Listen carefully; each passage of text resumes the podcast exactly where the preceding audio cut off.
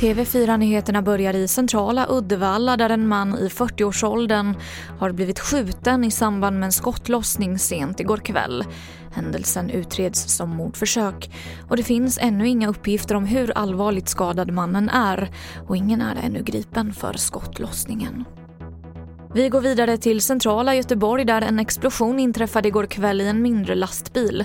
Polis, räddningstjänst och nationella bombskyddet skickades dit och platsen fick spärras av. Polisen misstänker brott men ingen person ska ha kommit till skada i samband med händelsen.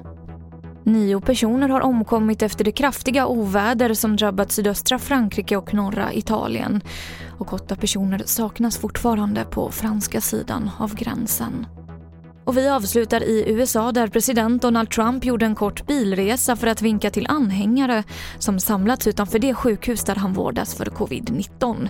Det här är något som ifrågasätts ur både medicinskt och smittskyddsperspektiv.